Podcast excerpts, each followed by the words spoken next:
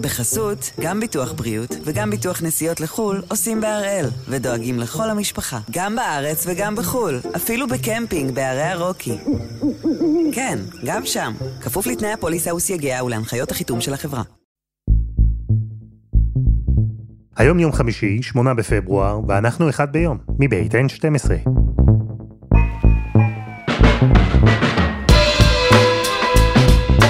אני אלעד שמחיוף ואנחנו כאן כדי להבין טוב יותר מה קורה סביבנו, סיפור אחד ביום, בכל יום.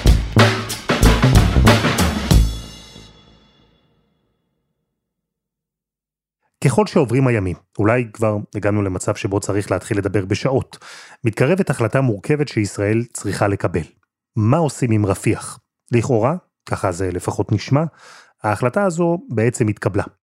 הנחינו את צה"ל להיערך לפעול גם ברפיח ובשני מחנות המרכז, המעוזים האחרונים שנותרו לחמאס. התמרון היבשתי הוא הדרך להכריע את החמאס. אנו ממשיכים בפעולה זו ונגיע גם אל המקומות בהם טרם לחמנו, במרכז הרצועה ובדרומה, ובמיוחד אל מרכז הכובד האחרון שנותר בידי חמאס, רפיח. אבל זה לא כל כך פשוט, ושימו לב, ראש הממשלה הנחה להיערך לפעול. שר הביטחון אומר שנגיע לשם. וזה לא מקרי. רפיח מסתמנת כטריטוריה הכרחית אמנם, אבל כנראה גם המורכבת ביותר שישראל עשויה לפעול בה. גם צבאית, גם מדינית, גם הומניטרית, מה שתרצו. ביום המאה ה-25 של מלחמת אוקטובר 23, אנחנו עם יוחנן צורף, חוקר בכיר במכון למחקרי ביטחון לאומי, ה-INSS, ומומחה לנושאים פלסטינים, נדבר כאן על כאב הראש הישראלי, המכונה גם רפיח העזתית.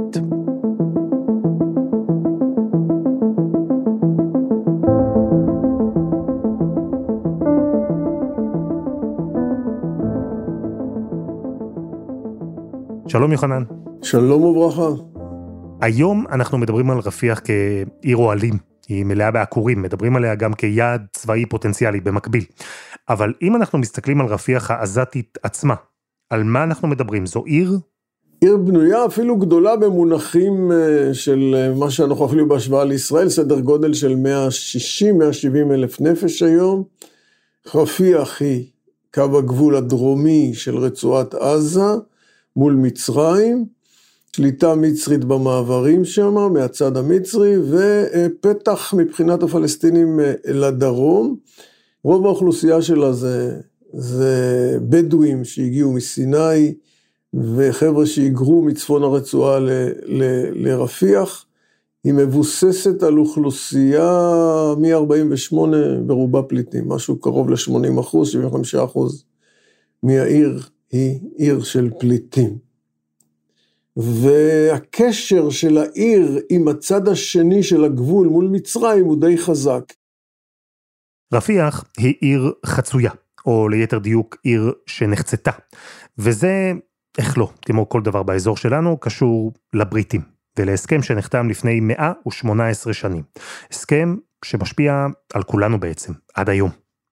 ב-1906 הבריטים שלטו במצרים, וטורקיה הייתה במצב של חולשה, הולכת ושוקעת, כן? אז חלק מתוצאות המלחמה שהיו שם, זה היה הסכם שהגיעו הבריטים עם העות'מאנים, לגבי הגבול בין מצרים לבין טורקיה, שקבע שהוא יחצה שם את הגבול באזור הזה של איפה שעובר את רפיח, זה, אז זה חצה את רפיח לשניים. בהמשך היה קרב בין הבריטים לבין העות'מאנים על שאר חלקי רצועת עזה, והבריטים כבשו את רצועת עזה, זה היה שנים אחדות לאחר 1906. קו הגבול הישן, שחצה בין רפיח עזתית לרפיח מצרית, הפך ללא רלוונטי בימי השליטה הבריטית על האזור כולו. אבל הקו הזה חזר להיות רלוונטי אחר כך, כי מצרים אומנם החזיקה, אחרי שהבריטים עזבו, בשני הצדדים של רפיח, אבל המצרים לא ממש התייחסו לשניהם באופן זהה. הם החזיקו את רצועת עזה כאקס טריטוריה, כלומר, הם לא קיבלו שם אזרחות, הם היו נתינים של מצרים עד ל-67. אז כל הרצועה, כולל רפיח, לא היו בתוך הקטגוריה הזאת של אזרחות מצרית. ואז הגיעה מלחמת ששת הימים, וישראל כבשה מידי המצרים גם את עזה, וגם את סיני. לאחר שכוחות היבשה והאוויר של מצרים פתחו בפעולה נגד ישראל, יצא צה"ל לעוטפם. עיקר המערכה התנהלה ברצועת עזה ובסיני. הטורים המשוריינים של צה"ל מתקדמים אל ח'אן יונס תוך תמרות אש, עשן ואבק. אלא שבהסכמי השלום, שהגיעו אחר כך בשנות ה-70, המצרים, וזה לגמרי מסתדר עם מה ששמענו כאן, המצרים הבהירו שבעוד את סיני הם מאוד רוצים לקבל בחזרה, את עזה לא ממש. כן, כן, סאדאת לא רצה את, את רצועת עזה בשום אופן. אה, בגין בזמנו אמר, ראש הממשלה שלנו דאז אמר שזה חלק מארץ ישראל. לא חשב במונחים דמוגרפיים. הוא ביקש לספח, לקחת את זה לאחריותה של ישראל. וזה בפועל אומר שרפיח שוב נחצתה לשני חלקים. רק שהפעם, מהדרום רפיח המצרית, ומהצפון רפיח עזתית, כן, אבל בשליטה ישראלית. חלק גדול מהתושבים של העיר הזאת נחצו בשנת 82 עם יישום הסכם השלום בין ישראל למצרים, נחצו באמצע, אז יש לנו את רפיח המצרית ואת רפיח הפלסטינית. חלק מזה זה על בסיס ההסכם שנחתם בין ישראל למצרים בשנת 79, שקבע שהגבול יעבור על פי הקו שנקבע ב-1906. יש חלק מתושבי רפיח שחיים בצד המצרי, יש קשרי משפחה הדוקים שם, יש קשר מאוד הדוק, וזה גם אולי מסביר חלק מהקשרים התת-קרקעיים שמתרחשים שם מתחת, ל, מתחת לעיר הזאת במשך שנים, במשך שנים רבות. ומה שקרה הוא שבעצם בפעם הראשונה מזה המון זמן, הגבול הפך לקשיח. ההפרדה בין שני החלקים של רפיח הפכה לקשיחה, ומשפחות שנחצו פתאום בין מצרים לבין עזה, ניסו למצוא דרך לשמור על קשר, להתראות, להעביר דברים מאחד לשני. אז הם מצאו פתרון. כן, אני חושב שזו המוטיבציה שדוחפת כבר אז את, ה, את העניין הזה של חפירה של מנהרות. זאת אומרת, אה, הצורך בהטלת מגבלות על מעבר, ואי אפשר לעבור חופשי, כי צריך לעבור כל פעם בשער, בצ'ק פוינט, אה, פתח פה איזושהי, אה, דחף אנשים לבצע גם את הדברים האלה, כי זה מקל יותר על העניין הזה. אז אם זה בהתחלה לא לצורך הברחות, זה לצורך מעבר יותר פשוט מתחת לאדמה בין צד אחד לשני, עם הזמן זה מתפתח להרבה יותר מזה. והופך להיות גם ציר שדרכו מכניסים סחורות, מעבירים סחורות וכל מיני דברים אחרים שעם הזמן אנחנו רואים שהם הרבה יותר מסוכנים מסתם מוצרי צריכה. זה אומר שאין מכס, זה אומר ש, שאפשר להכניס מה שרוצים, ואומר שגם אפשר להבריח מדי פעם גם נשק, תחמושת ודברים מהסוג הזה. המנהרות של רפיח הפכו לעורק מרכזי להעברת ציוד צבאי, ציוד שאפשר להחזיק בעזרתו ארגון צבאי, כמו זה שהלך והתעצב בעזה בשנות ה-90 וה-2000. המנהרות של רפיח הפכו במידה רבה לעורק החיים של חמאס, ולכלי הכרחי להישרדות של חמאס. וברגע שאזור רפיח הפך למוקד הברחות מרכזי וחשוב כל כך, למקום שחמאס יצא מגדרו כדי להגן עליו, אז המנהרות הפכו לנקודת עניין גדולה יותר גם עבור ישראל, ואיתן כל אזור הרצועה הדרומית של עזה. הצלע, שנקראת ציר פילדלפי, שבה יושבת גם רפיח, הכל הפך למקום שבו ישראל הייתה חייבת להיות, ומקום שבו ישראל הייתה חייבת לפעול. הישיבה בציר פילדלפי נועדה בין היתר להתמודד עם ההברחות, והיה מאבק על השליטה בקו הזה. אם אתה זוכר את אותו סיפור שחיילים נאלצו לחפש חלקים של גופות. אני מחפש כלי שלי, אני לא מוצא אותו.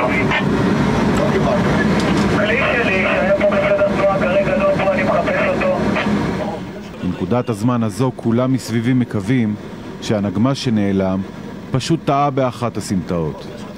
אבל התמונה הזאת של מנוע הנגמ"ש שנעלם במרכז הכביש, עשרות מטרים ממוקד הפיצוץ, לא מותירה ספק בליבו של אף אחד. הנגמ"ש נמחק ועימו ששת הלוחמים. בשלב הזה מבחוץ המרדף המטורף של חיפוש חלקי גופות, שאיש אינו יודע היכן הם. זמן קצר, תקופה מאוד קצרה לפני ששרון החליט על ההתנתקות, אה, זה היה אחד, יש אומרים שזה היה אחד הטריגרים שדחף אותו להחליט על העניין הזה, הייתה שם תמונה מאוד אה, לא נעימה להרבה מאוד עיניים ישראליות, שחוללה איזשהו כנראה שינוי בצד שלו. זה היה מאבק מאוד קשה שהתפתח על הציר, ואז אה, תוך כדי החלטה על הפינוי של הרצועה, זה גם הלך על העניין הזה של ציר פילדלפי, כי הוא חשב שאם מפנים, אז בואו נפנה כבר את הכל, על מנת שלא יטענו נגדנו שאנחנו עדיין שולטים ברצועת עזה. אז פינו גם את זה וגם את מה שנקרא התוחמת הצפונית, היישובים הצפוניים של הרצועה. זה הסיפור.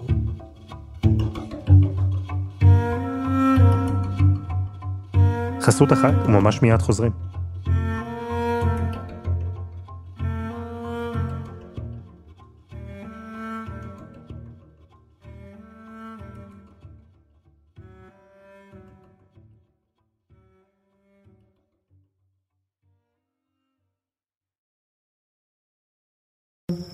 בחסות, גם ביטוח בריאות וגם ביטוח נסיעות לחו"ל עושים בהראל, ודואגים לכל המשפחה, גם בארץ וגם בחו"ל, אפילו בקמפינג בערי הרוקי. כן, גם שם, כפוף לתנאי הפוליסה וסייגיה ולהנחיות החיתום של החברה.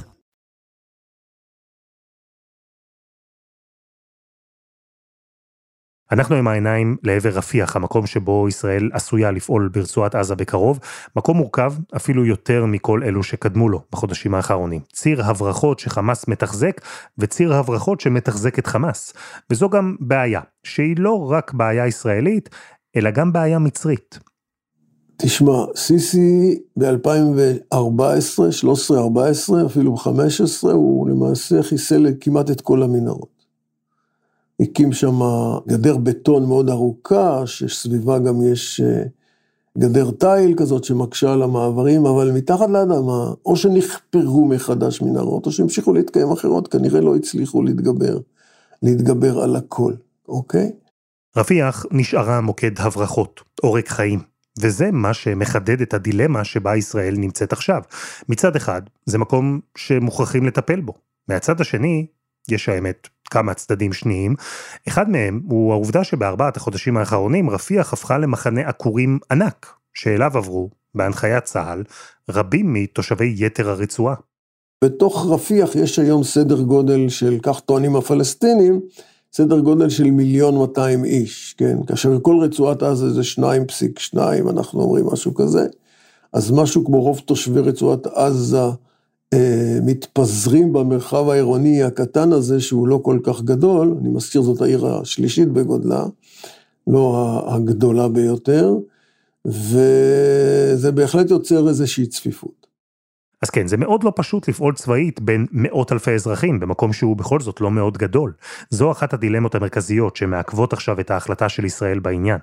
ורצינו להבין מה קורה שם? איך נראית עכשיו רפיח? אז דיברנו עם מוסטפא, הוא במקור מעזה, העיר, אבל עבר לרפיח בעקבות ההנחיות של צה"ל. אני בן 61 עכשיו, הייתי מנכ"ל במועצה לזכויות האדם, ואני כותב, ברשן פוליטי, וכותב במלחמה, יעני, בשבוע כותב שני, שלושה מאמרים, ובגלל אין חשמל ואין אינטרנט, לא יוצא על טלוויזיה ולא מדבר, רק כותב כיף, איך אנשים עושים באוהלים, איך אנשים מבשלים, איך אנשים, הילדים משחקים, איזה עתיד מחכה להם, אומר על, יענו כותב על דברים אנושים יותר מפוליטיקה בגלל, ומתרגם לפעמים מהעיתונות הישראליות, ומברשם. הוא נולד ברפיח, גדל שם. וכבר ב-13 באוקטובר הוא הגיע לשם שוב, יחד עם המשפחה. אנחנו הרבה. הרבה, אנחנו יותר ממשפחה, יעני, חברים שלנו, קרובים שלנו, יותר מ-40. וילדים ונשים, ו... הוא בית פרטי, יעני 200 מטר. ואנחנו בבית, אבל הבית, יש לנו בית, הוא שכן שלנו שתקפו אותו, ואנחנו, תגיד שבחצי בית, בגלל שהוא נוזק הרבה, ושמנו ניילון, ניילון על חלונות, ואני ואשתי והילדים שלי, שאנחנו בחדר שכולו מכוסה בניילון. מוסטפא מספר על מחסור במצרכים בסיסיים, באנרגיה, במים, באוכל. הנה הקפה שאני שותה, תמיד קפה, נגמרה. קילו הקפה, 100 שקל, 100 שקל, אתה מבין? ואין אוכל, אין, אין 100 שקל. אם אני אדבר לך על לחם, על ירקות, אין ירקות, אין עגבניות, אין, אין, אין, אין, אנחנו אוכלים רק אורז, אה, מקרונה, ו... יעני, האנשים מבשלים לא מהירקות, אין לחם, אין בשר, אין עופות, אין ביצים, אין. קשה תאר על עצמה, איזה, איזה קור, איזה הגשם, אין בתי שירותים, הבתי עולים משלוש מטר בשני מטר, כמה אנשים יש להם שהמים נכנסה להם לעולים, וכל הזמן בחוץ מהעולים, אין אוכל, לא יודעים לישון, יש אנשים הרבה חולים, אין תרופות, התרופות היא מחלקת האו"ם, ולא, אני, אני חולה לחץ דם, למשל. החלפתי שלוש, שלוש פעמים את התרופות. אומרים הפלסטינים זה נכבה, באמת היא נכבה. ובישראל לא רוצים לשמוע דברים כאלה. ויש לו דברים קשים לומר על ישראל, על ארגוני הסיוע. על חמאס, אתם יודעים, זה כבר יותר מורכב. אבל מוסטפא שומע את מה שאומרים הבכירים בישראל בימים האחרונים, הוא מבין שגם מרפיח הוא יצטרך להתפנות בקרוב. הם צריכים להוציא אותנו למצרים. ככה, יעני, מתארים אנחנו. כן אומרים שיש בעיות עם מצרים, מצרים אה, כועסת, אבל אתה יודע, מיליון וחצי איש ברפיח, נכנס צבא לרפיח, זה הרבה אנשים שיהרגו אותם. מה אני אומר לך, אני מפחיד על עצמי, על ילדים שלי, על ההורים, על אחים, על חברים שלנו, כולנו. עכשיו, למה זה חשוב לשמוע את מה שמוסטפא אומר כאן? כדי להבין את המורכבות של פעולה צבאית ישראלית אפשרית ברפיח. פעולה שתהיה חייבת לבוא עם איזשהו פתרון, שבראש ובראשונה הוא אינטרס חיוני של ישראל. להרחיק מאות אלפי אזרחים משם ולבודד שם עד כמה שאפשר את מחבלי חמאס. וזה לא העניין היחיד שישראל צריכה לקחת בחשבון, כי אמרנו, למשוואה הזו נכנסים גם המצרים.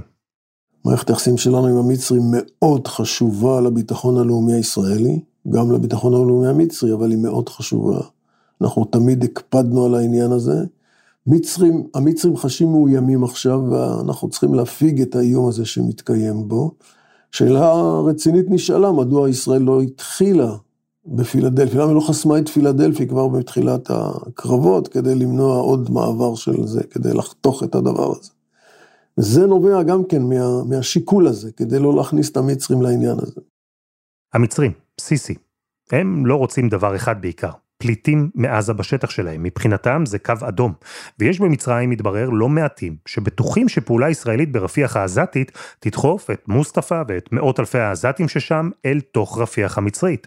ויותר מזה, יש מצרים שבטוחים שזו בדיוק התוכנית של ישראל.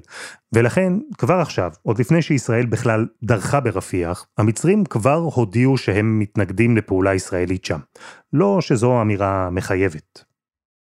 לא, אין להם זכות לומר לא. אם ישראל פועלת מהשטח של רצועת עזה, אז בוודאי שאי אפשר, אבל הם אומרים, אנחנו מאוד מתנגדים לפעולה לאורך הגבול, והם מביעים חשש כבד מאוד מפני הגירה של אנשים לצד שלהם, מפני מהלך ישראלי שידחוף לשם אנשים. וישראל כבר אמרה שהיא לא מתכוונת לעשות את זה.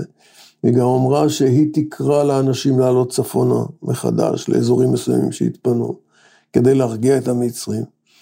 זה מחייב הידברות יותר רצינית, יותר כנה עם הצד המצרי, על מנת אה, לשכך מעט את החששות שיש שם.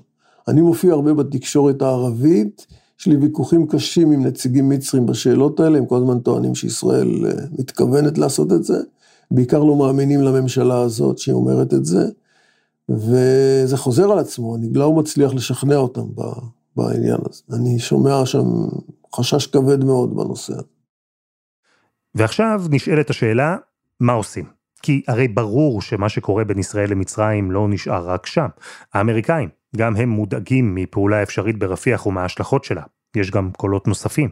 אבל השאלה הזו שעלתה, היא אם בכלל אפשר לוותר על רפיח, על העורק הזה שממשיך לשמש את חמאס כל כך הרבה שנים. האם ישראל שרוצה למוטט את חמאס לחלוטין, יכולה בכלל להרשות לעצמה לומר שלרפיח היא לא מתכוונת להיכנס? תראה, אני, אני סבור שכל עוד לא הצלחנו לשים את היד על הראשים שמובילים את מה שקורה ברצועת עזה היום, שזה סינואר וכנראה מוחמד דב וכנראה מרואן עיסא וכנראה גם אח של סינואר, או חלק מהם, אה, לא נצליח לעשות, לגמור את הדבר הזה. אני סבור שהברחות הן פחות חשובות ממיטוט הכוח הצבאי. מיטוט הכוח הצבאי יכול להיות בשתי דרכים. אחת, אם אתה מצליח אה, לחסל את ראשי הפעולה הזאת, אלה שיושבים היום ברצועת עזה והם מפעילים את הכוח, או במשא ומתן שאולי יתחיל עכשיו להתנהל, ונניח שדרכו ישראל, במהלכו ישראל דורשת, אם אתם רוצים הפסקת אש, אז בואו נסכם שאתם מתחילים להתפרק מנשככם. נעשה את זה בקצב כזה או אחר, שכל שלב אתם מבהירים לנו מה פירקתם, מה לא פירקתם, ונבדוק את זה. וזה יכול גם להוביל לעניין הזה, כי במובן, במובן הפומבי יש לזה משמעות רבה מאוד, כי אם חמאס מוכנה לזה, יש לזה משמעות, אבל קרוב לוודאי שהיא לא תהיה מוכנה למהלך מהסוג הזה, ולכן יצטרך, הלחץ הצבאי יצטרך להימשך באיזושהי צורה. בין היתר זה אומר, לאורך זמן אחרי המלחמה, זה אומר שיצטרכו לשלוט במעברים, כלומר בתת קרקע הזה שחוצה את הגבול. אבל את זה אפשר לעשות טוב אם המצרים גם הם מגלים מחויבות לעניין הזה. וכדי שהמצרים יגלו מחויבות לעניין הזה, חשוב שהקשר, האמון בינינו לבין המצרים, לא ייפגע כתוצאה מהחששות שלהם שמתקיימים היום ומדברים קצת בלשון אה, לא קלה לישראל בתקופה הזאת.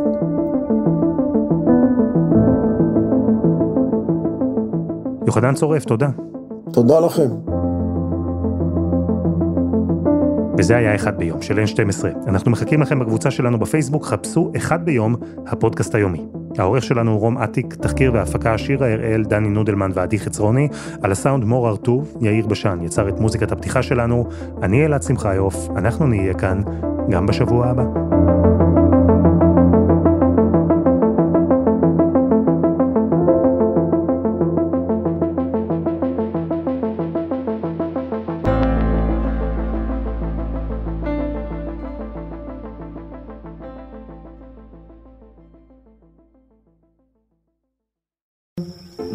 בחסות, גם ביטוח בריאות וגם ביטוח נסיעות לחו"ל עושים בהראל, ודואגים לכל המשפחה, גם בארץ וגם בחו"ל, אפילו בקמפינג בערי הרוקי. כן, גם שם, כפוף לתנאי הפוליסה וסייגיה ולהנחיות החיתום של החברה.